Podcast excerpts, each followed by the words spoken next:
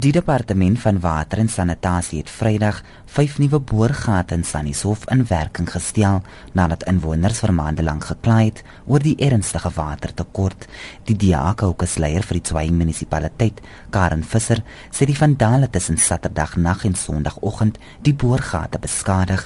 Sy sê duisende rande se skade is aangerig. Ongeveer 50 60000 rand aan die distribusieborde wat gebrand het En dan het ons nuwe boorgate wat net Vrydag oorgegee is.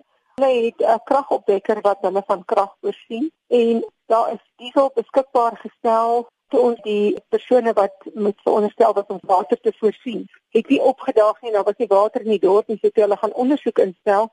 Toe is daar helfte van die volume van die diesel weg en die pomp moes eers in die laatmiddag afgegaan het. Visser sê nog geen verdagtes is in hegtenis geneem nie. Ek het 'n saak oopgemaak oor die sabotasie en die eenheidsbestuurder sou 'n saak gaan oopmaak oor die diefstal. So hulle het daaroor beheer geneem of hulle 'n saak gemaak het, het ek nog nie bevestiging van gekry nie. Sy sê inwoners van Sannieshof se krane loop sedert Sondag leeg. Ons het nie water nie. Die stand van die reservoir is leeg. Hy staan onder 10%. Ons kan nie pomp uit hom uit nie. Die twee druktorings altyd dol leeg. Daar's ook nie water in nie. So die bietjie water wat daar is is in die pype.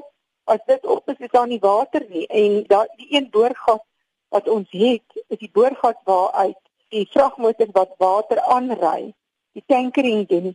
Hulle trek daar water. Visser sê die beweerde sabotasie van die boorgate vererger die waterkrisis in Sannieshof. Reeds van 2003 af het ons glad nie water nie en het ons bitter min water en ons het groot gedeeltes waaraan ons nou met 'n waterkrisis depo vir hulle moet water voorsien het wat van water shortages is uitgekom het wat ons self voorsien het ons het tanks opgesit om mense in staat te kan stel om water te kon kry want daar was van hulle wat nie eers water gehad het om baba formule aan te maak of om pap te kook nie Dit was letterlik 'n krisis wat ons die laaste 4 maande gehad het. Dit was Karen Visser, die DA kokesleier vir die Tshwane munisipaliteit, Jean Estreisen, Isapiesinis.